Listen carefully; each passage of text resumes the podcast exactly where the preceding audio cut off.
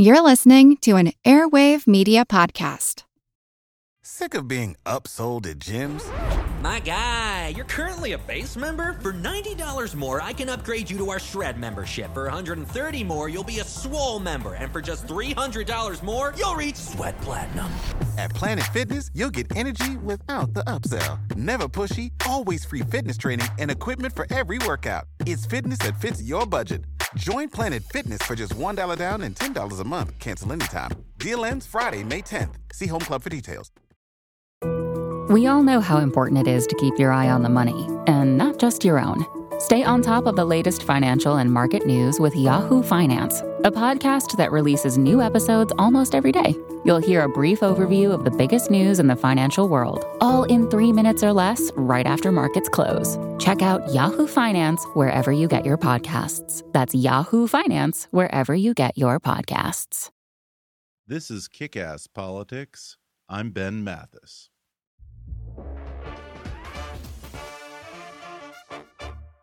Hey, folks, just a quick announcement. We're in the midst of a very important fundraising drive to come up with all of our production costs for 2016.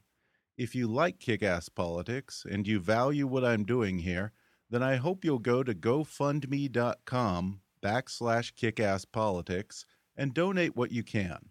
It's vital that we fund our production budget for the coming year so I can focus my energies on the content side of kick ass politics and keep producing new episodes for you every week. So be a part of what I'm creating here. Just go to gofundme.com backslash kickasspolitics or hit the donate button on our webpage at kickasspolitics.com. Thanks in advance, folks, and now enjoy the show. Hi, I'm Ben Mathis, and welcome to Kick Ass Politics. Anytime you see a magazine cover featuring a famous politician or a well known head of state, it was probably shot by my guest today, photographer Platon. Over the years, he's photographed countless rock stars, athletes, and movie stars, but he's best known for his iconic images of powerful world leaders.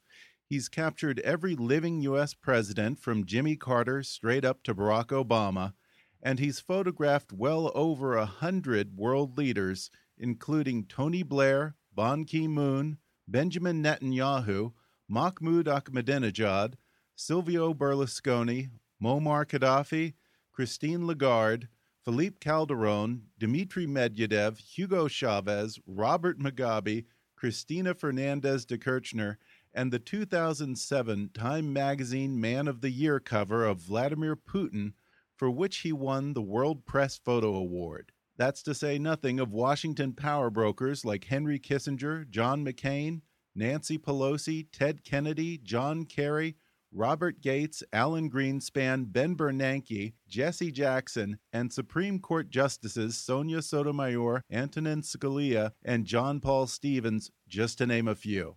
His work has been featured on 20 Time magazine covers, as well as GQ, Newsweek, Rolling Stone, Vanity Fair, Esquire, New York Times Magazine, Wired, and Texas Monthly. In 2007, he became the permanent staff photographer for the New Yorker magazine, where he's produced a series of large scale photo essays, including his collaboration with Human Rights Watch, covering Russia's civil society, for which he won a Peabody Award. That led to Platon's founding of his own nonprofit called the People's Portfolio which aspires to create a visual language to break barriers and enlist public support for human rights around the world. On today's podcast, he'll reveal some of his secrets for getting the most powerful people in the world to let their guard down. He'll talk about photographing Vladimir Putin as the most intimidating experience of his life, and that now infamous cover photo of Bill Clinton for Esquire magazine, plus a whole lot more with legendary photographer Platon coming up in just a moment.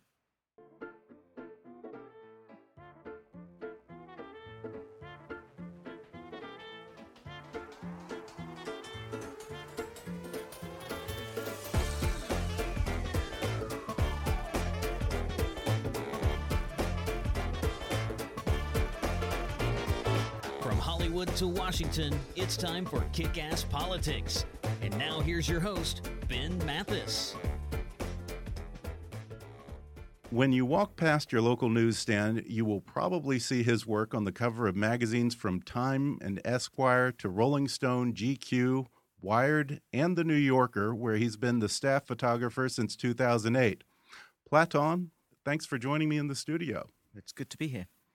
Um, you photographed any number of celebrities, models, musicians, but you've become synonymous with taking portraits of powerful world leaders. How did that become your thing? I think I've got a healthy disregard for power, and I, I never thought it would be a, a sort of uh, important qualification for a specific career. Um, so I, I, I don't know. I've always had this feeling that. Um, you know, Martin Luther King described it as the illusion of supremacy. Huh. And uh, it's it's something that really resonated with me when I heard that in a speech uh, one time that he made. It, it's it's it's this idea that you know no one really is above anybody else, and as long as you treat people with uh, equal respect, uh, I don't see why I should bow uh, lower for anyone in particular than anyone else. I mean, my job is to try and uh, perhaps readdress the balance in society of of how we regard uh, perfection, and uh, to maybe uh, bring down and humanize a little bit the the people at the top, and then uh, bring up and celebrate the people at the bottom, and try and remind everyone that you know we're all equal. Well, I want to talk to you about a few photos in particular that you're perhaps most famous for. Mm. And uh, we'll make this interactive for the listeners uh, with your permission. Mm -hmm. um, I'll post them to our Instagram at, at KAA Politics uh, and our Facebook account so listeners can scroll through as we talk about these particular pictures. Like I said, only with your permission. Sure, no problem. Okay. I mean, I'm actually on Instagram now. I just joined. So um, anyone wants to follow me, I'm trying to uh, build a fascinating platform. How are change. you just now getting on Instagram? I, I hate technology. I'm notoriously okay. bad with dealing with technology. I still have never sent an email in my life. So uh, I, I just there's a problem with it in my mind. It's so liberating. It's such, such an amazing new revolution we're going through, but it's in in danger of um, robbing us of uh, a certain freedom. Ironically, you know, you, you don't look up anymore. Everyone's looking down at their phone constantly. Hmm. No one has a moment of reflection. And, you know, something that um, George Clooney said to me quite recently when I was taking his picture, which was really interesting. He said that, you know, we have more information at our fingertips than ever before, more connectivity than ever before. And yet, in many cases, we seem to know less. And um, if you want to get the news, you're probably going to go to a source online that's going to confirm what you already believe. Um, so that means we might be in danger of being trapped in our own echo chambers. So you know this Especially idea, especially on Facebook and Twitter. Yeah. So the idea of the shared experience is rapidly diminishing. Ironically, that magical place where we are respectfully debating and exchanging different values, different political ideo- ideologies, uh, different faith values, um, different cultures. Um, you know, that's really important to, to share. You know, you have to be courageous to put your ideas aside and actually listen to another point of view. Firstly, it's respectful to do that. Secondly, you might actually learn something.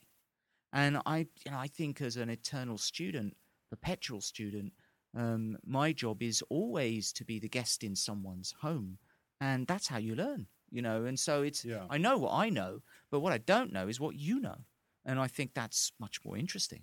I actually tend to watch the news channels that necessarily aren't aligned with my values because I don't want to be well, in an echo chamber all the time right. where I just hear the same thing. I want to know what else is going on yeah. out there. I mean, you're absolutely right. I mean, my job is to tear down those echo chambers and to provoke. I mean, I've been taught to be a cultural provocateur. Um, and uh, I do believe that it's time more than ever to focus on the things that actually unite us rather than to focus on the things that we think divide us. We all actually have a lot more in common than we ever expected. And yet somehow we choose to ignore all those things and we're all focusing on the tribal ideologies that's, that that separate us. You know, this is what you believe, so you're over there, and I'm o- I'm over here. Um, and I think that's you know look at what's going on with the election now. Um, election Yeah. years are always you know a bit tempestuous, but um, it should be about different ways to get to the right uh, solution that we all agree on. Problem is, we all seem to disagree on what that right solution is at the end. It should be a universal idea of fairness, justice, uh, truth, and righteousness. I mean, that's what we all strive for in society, and we all share that value. Uh, and yet, we seem to be putting that aside, and I think that's really a tragic situation for an incredible democracy like America. Yeah, and let's since you're a provocateur, let's look at some of your provocative photos and talk about them. Um, you know, and like I said, folks, if you want to go on Facebook or Instagram, you can scroll through as we're talking here and look at them yourself because it's kind of hard to do a, a visual medium on a podcast. so, this first one is of Barack Obama before he was elected president, and then you also have one of him afterwards when he was president. Talk about Well, those shoots. that you know it was uh, the color image was taken um, one hour after he announced he's running for president. So um, you know it was it was the beginning of uh, plotting uh, the journey of power. And you know it was a time at the beginning of that election campaign where there was all this incredible charisma and great skill in public speaking that he had. Um, and it seemed to fit the the bill perfectly uh, for for it was like the solution we all hoped uh, would come to America's problems. And and, Yeah. and you know I remember saying to him you know Mr Obama my mum thinks you're fantastic and she hopes you make it to the White House. And I remember he leaned forward and he said tell your mama. I said hi. And it was just a fantastically American moment for me as an Englishman to to sort of uh, have that exchange. But the other picture is actually the real Obama, um, and you know I think he's much more cautious than we all expected as a politician. He seems to like to weigh up all the options in the room before he makes um, uh, his final decision. And uh, in many cases, he's been criticized for that. Um, I remember he was reading a self-help book back in those days, and um, it was called, uh, to my to my knowledge, I seem to remember it was called "Be Quiet, Be Heard: How to Raise Delicate Issues with an Opponent and Still Find Common Ground." Essentially, how to compromise, and I think that's kind of interesting that that perhaps. Um, I mean, I see things in a simplistic way. I'm certainly not an intellectual, but to me, these are the clues that I discover on my journey, and sometimes they they seem to make sense when you look back at recent history. Well, the next photo is one of his predecessors, one of your most famous or, or maybe even infamous photos. uh, we have Bill Clinton in full man spread. Uh, what, what? How did that come about? Did, now, did you ask him to pose like that, or was that his idea? You know, uh, so much has been read into this picture. Um, I don't really know what to say. Uh, you know, it was my first president. Uh, some say it should have been my last. I'd never come into contact with that kind of power level before. Um, the magazine wanted me to do a nice, dignified headshot. Uh, they knew I shoot with this sort of uh, exaggerated sense of perspective. Uh, Right, you f- use a wide-angle lens, Yeah, close up a I lot. I mean, for me, it's not a gimmick. You know, it's it's body language and it's how I see people. You know, my job is not to create a perfect picture that everyone's pleased with. My job is to give you the feeling of what it's really like to meet someone. Um, so uh, I'm interested in the humanity of it, the connection. I'm not interested in the Hollywood perfection that actually is fake. It doesn't exist. So um, yeah, I shoot. I shoot from the hip. You know, I shoot uh, sometimes from a low perspective. If if it's if you get this feeling of being overwhelmed in, with someone's charisma or even someone's authority, then that does something to you. And as an artist, my job is to try to make you feel what I feel when I'm in these people's presence. So uh, you know, I, I asked him, I did all the dignified headshots that the magazine insisted, but the magazine warned me that for their greatest cover they ever had, I mean, in their 80 year history, it was the first time I think they may have got the president. So um, it was a big deal for them. and I think that you know they said whatever you do, do not use that wide-angle lens. This is the bloody president, you know, and uh, people just don't do that with the president. So you know, I, I when I was with him, I, I had a moment. I had a moment where I, I, I think I became me. And I Hmm. realized that, you know, all this sort of fake sense of power um, is all um, constructed. It's not real. I mean, he's just a person like I'm a person, but he has this extraordinary charisma. And I thought, you know, why should I bend and kneel before power and just perpetuate this idea of formality that we all think is suitable for the presidency. When I had seen him grilled in a in the most humiliating way by the media for mm. a lo- the last year about the Lewinsky scandal. And I thought that was much more disrespectful to the presidency than anything I could do. So for me it was it was nothing to do with sex this picture. It was dubbed the crotch shot Yeah. um, his, his leg, for people who haven't seen it, which is there probably isn't anyone who hasn't seen it, but he's sitting on a stool or a chair and his legs are spread wide apart with his hands on his knees there. Yeah, I mean, I said to him in that moment, I thought, look, you're never going to be in front of another president ever again. It's fluke. You got this far, so you might as well do the picture you're born to do. So, to the horror of my assistants, I put on the wide angle lens and I just wanted to get his charisma. So I said to him, Mr. President, will you show me the love? And there was silence in the room. I mean, all his advisors, their jaws just opened and they were horrified with what is about to happen, I'm sure. And someone, one of his advisors, it may have been his chief of staff, I can't remember, um, said to him out loud, Mr. President, whatever you do, do not show him the love. um, you know, with the sort of uh, caveat that, that you know Yeah. we've had enough He love in this the love, right. administration. well, Clinton got it though, you know, and I remember him saying, "I know what he means. I know Yeah. what he wants." And so he put his hands on on his knees and he gave me the Clinton charisma. It wasn't a picture about sex at all. It was a picture about this man's majestic sense of charisma that is just unstoppable. Irrespective of what your political views are, uh, it's undeniable that this guy connects with people. So when it was published, uh, I had no idea that this would be published on the cover of a magazine.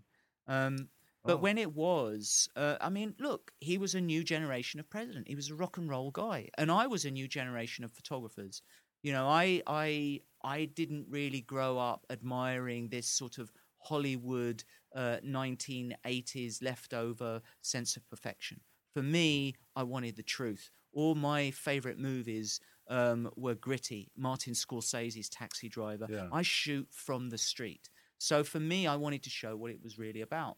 And I remember Larry King did an hour's show on this, uh, if I remember rightly, and he invited Bob Woodward photo. on one photo, and that's how I first. Dis- I was watching it live, and I and I was, you know, shocked as I heard Larry King rant and rave, saying this is disgusting that we show our president in this lurid sexual way, and Bob Woodward. You know, analyzed the picture as well, and he said it's all about sexuality. The hands are big, the legs are spread, uh, the face is smiling, saying "I got away with it," and the tie is an arrow. He even claimed. Um, you know all that all those intellectual guys um it, they just don't get it you know a, a while later after this came out i had so much criticism that i became the guy that demonized the presidency that that did this sort of um everyone it turned into a sex picture uh, and i remember walking home from harlem one day and i passed an old barber shop and i felt so depressed that this was my chance to make it in america and i had screwed it up and I passed this barber shop, and in the window they had uh, three pictures on the wall. One was JFK from the 60s, um, one was Martin Luther King, and the third one they had just cut out my picture of Clinton and put it in the frame. And then I realized something really powerful. It came to me that I'm not doing this for the intellectuals. I'm not doing it for the power system. I'm not doing it to win awards. I don't give a damn about all that. What I'm doing it for is to give the people an icon to provoke respectful debate. And this is an incredible country. We have this thing called democracy, and we need to exercise it. And this picture summed up the times. In America, we had a balanced budget. Uh, there was good unemploy- uh, good um, employment figures. So, I mean, we were our economy was in great shape back then. It was it was all about the good old days when all we had to worry about was whether our president, uh, you know, was up to no good in the Oval Office. Well, we're going to take a quick break, and then when we come back, I'll talk more with Platon about Vladimir Putin, his experience photographing the Egyptian revolution, and how it inspired him to start his own nonprofit that uses photography to fight human rights abuse. When we come back in just a moment. Folks, do you like to read but you don't have the time? Give audiobooks a try. All those times you spend listening to this podcast, you can also be listening to a great book.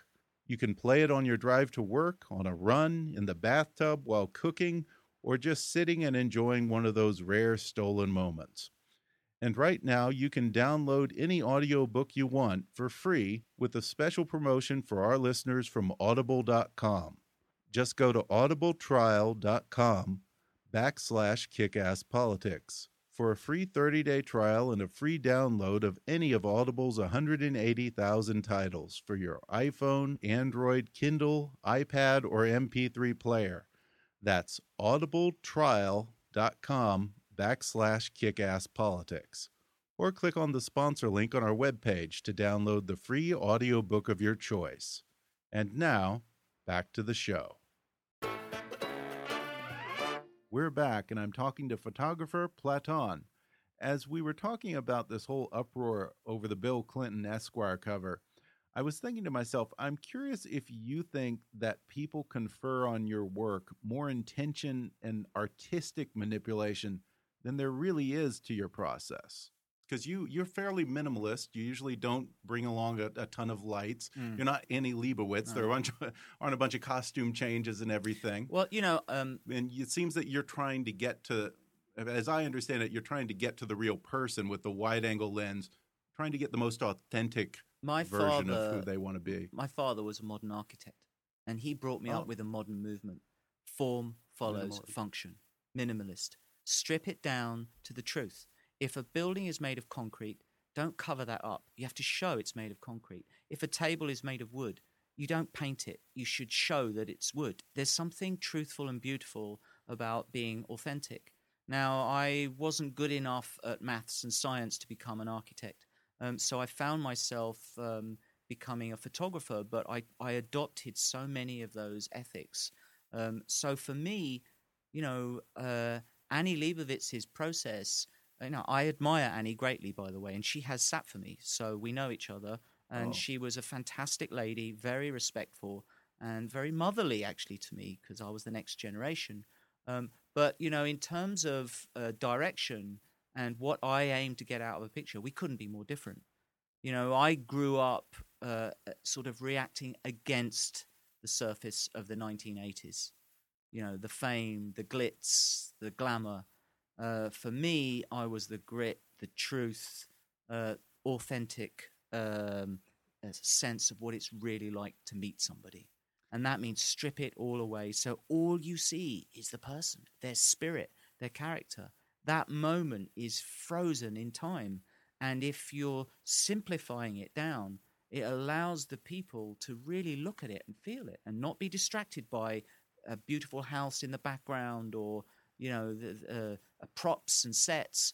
That's all adding surface and gimmicks. Should be no gimmicks. And I imagine that serves you well when you're dealing with world leaders because sometimes you have to be in and out and you're working on their schedule. Yeah. And one good example is the next photo, which uh, you actually, it, it was on the cover of Time as Time's Person of the Year in 2007, and you won a World Press Photo Award for this photo. Mm. It's of uh, the Time Man of the Year, Vladimir Putin. What was Putin that like? picture. I mean, you know, by then I had done many world leaders, um, but that was the first time I really came into a sort of contact with a threatening sense of power. Uh, you know, I, I mean, it's intimidating at the best of times uh, to some extent, but Putin was on another level. And coming out of that shoot, I really felt, all right, I've just been to boot camp. and it was only after that that I could handle other characters like Gaddafi, Mugabe, Ahmadinejad. Um, so it, it really trained me rather well. And he Um, doesn't like being photographed. It's the he? only portrait taken of him, as far as I know. Uh, Really? he's never sat for another uh, sort of independent uh, uh, photographer, you might say. Wow. So um, it was done in uh, in his private dacha. They told me it was going to be in the Kremlin uh, in this dark uh, day in December in, in Moscow.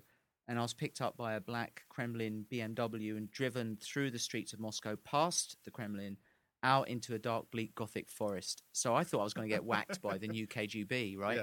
Yeah. Um, I arrived at this, you know, this this imposing building in the forest, covered in snipers on a security wall, you know, and they're all pointing at me. And at gunpoint, I'm led into this building, which is actually very historic because it's where they dissolved the Soviet Union.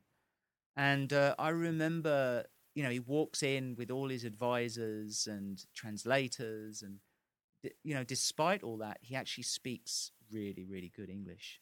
And I Oh, said to really? I him, um, yeah, I said to him, look, um, it's great to be here, Mr. President. Uh, well, I have a question for you as an ordinary person. I said, I'm a massive Beatles fan. Are you? And he said, I really like the Beatles. So I was shocked. Um, and I said, Well, who's your favorite Beatle? And he said, Paul.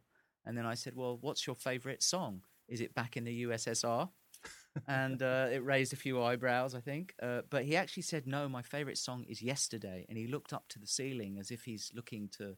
Uh, f- for a divine inspiration, and then I thought about it yesterday. I mean, if you look, read between those lines, I feel that he's he wants everything to go back in time. Oh yeah, yeah. So, um, yeah, that says a lot. so, but joking aside, it was the fact suddenly that we had this connection with popular culture and it allowed me in. And I ended up an inch and a half away from his nose, focusing my camera. I could feel his breath on my hand. I was that close. And that's how I got, I think, what is the truth that this is the cold face of authority in Russia.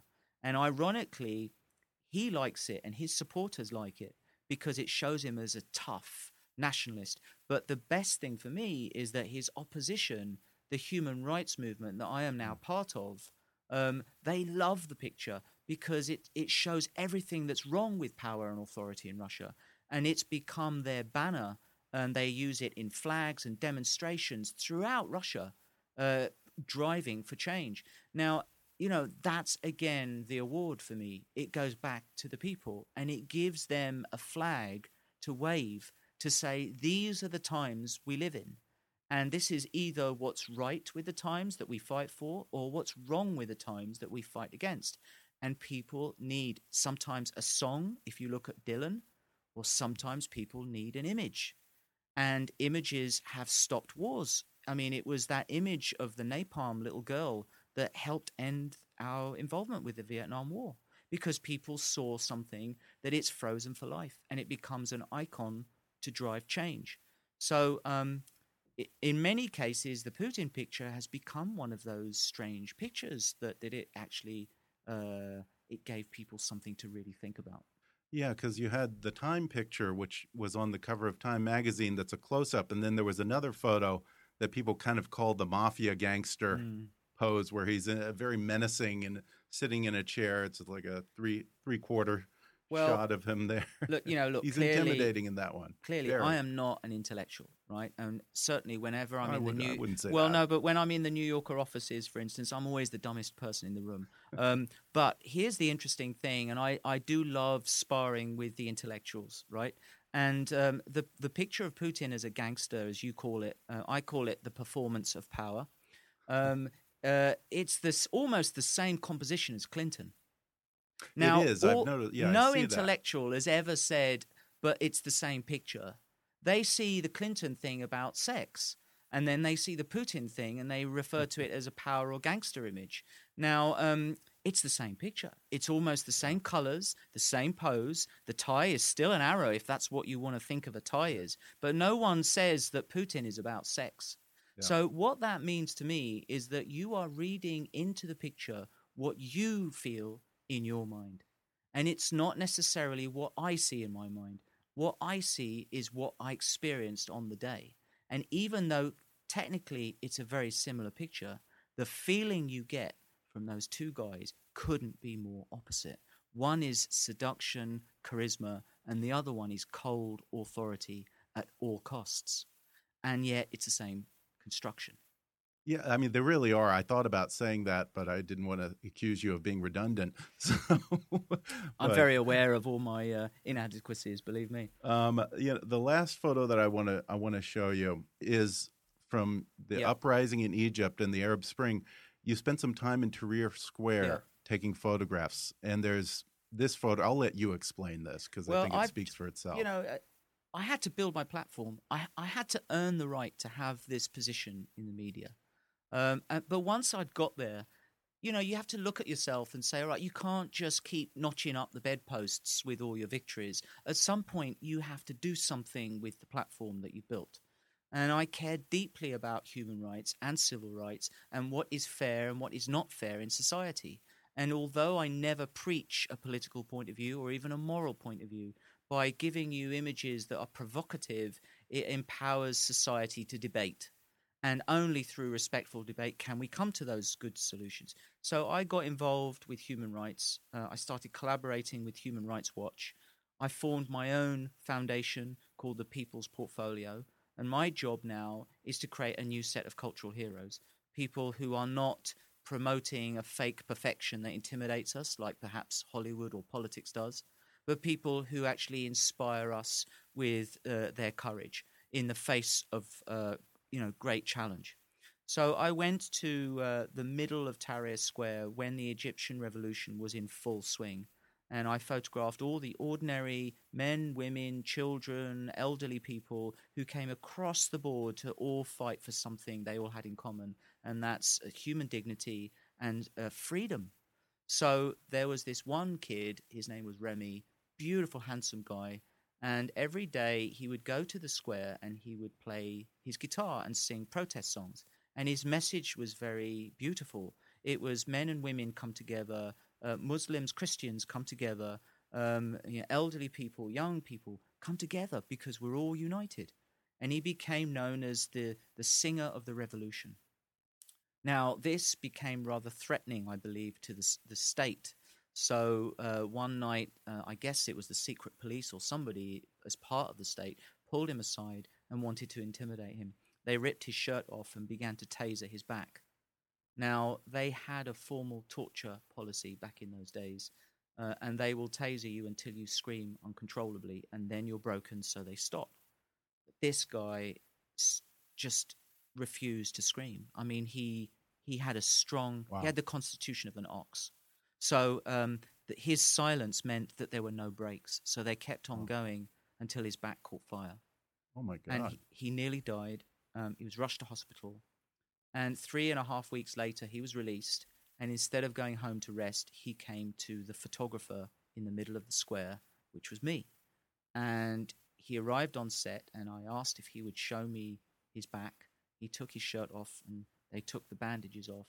And I burst into tears because I have never seen flesh hurt in that way up close. And I held his hand and I said, My dear friend, I'm so sorry what happened to you. You know, the marks on your back are awful, and nobody should ever hurt another human being in this way. And he said, My dear friend, never feel sorry for me, because I wear these marks with great pride.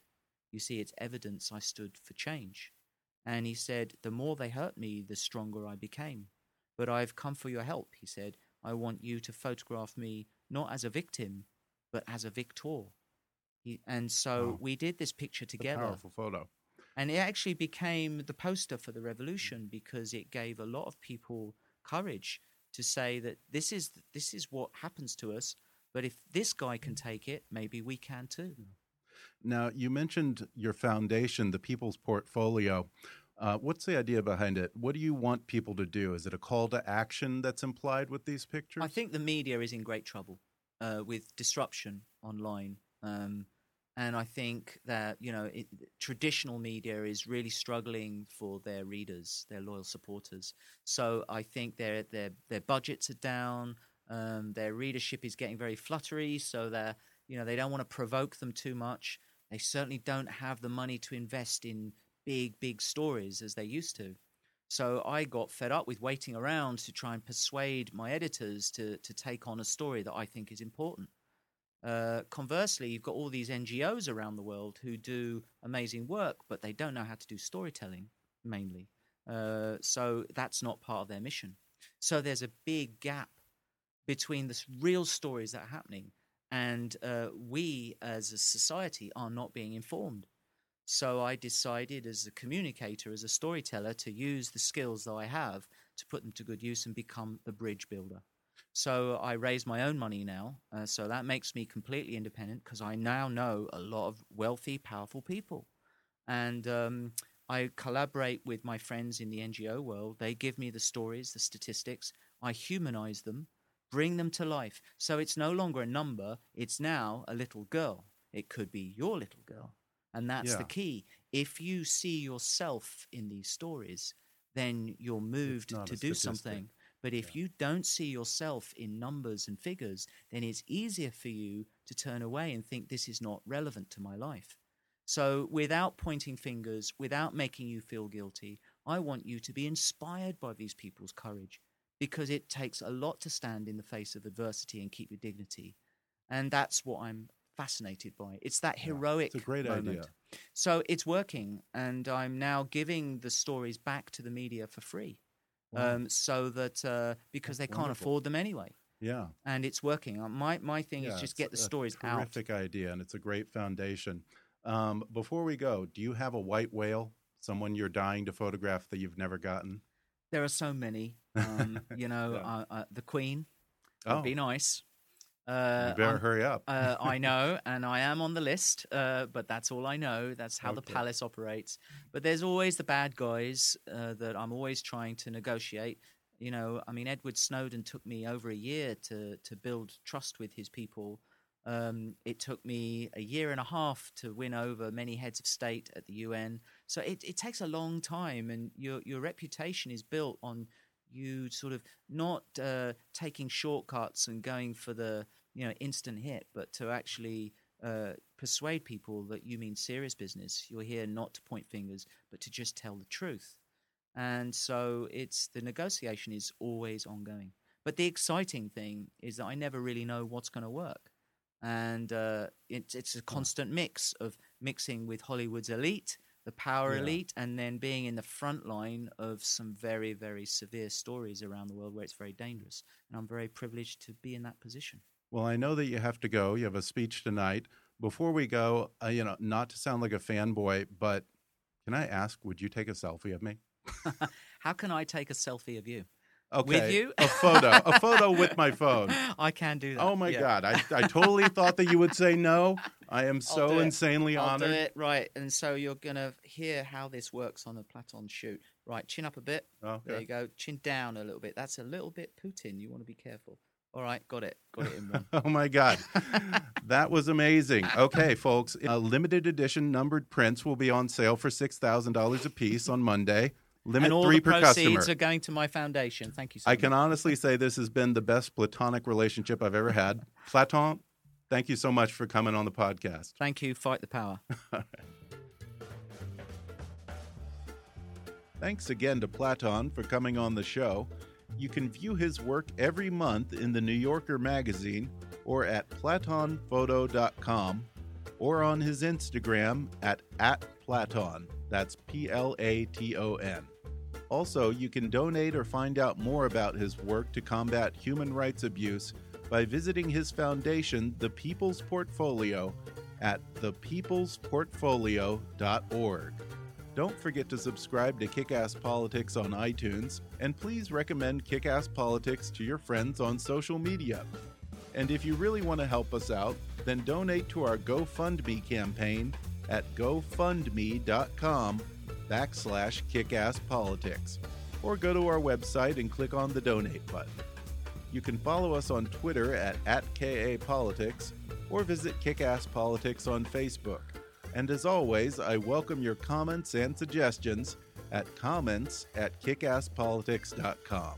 On the next podcast, I'll talk with Democrat pollster and Fox News political analyst Doug Schoen about his new book, The Nixon Effect how Richard Nixon's presidency fundamentally changed American politics.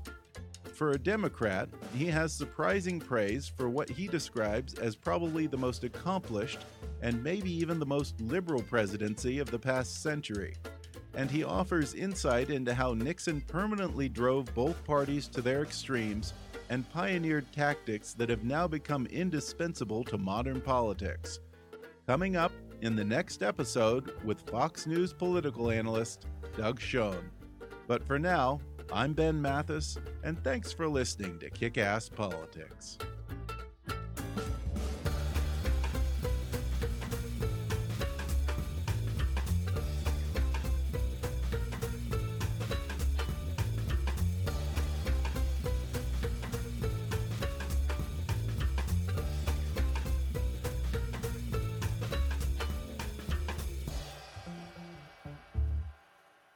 This podcast may not be reproduced without express written permission. Kick Ass Politics is a trademark of Mathis Entertainment, Inc.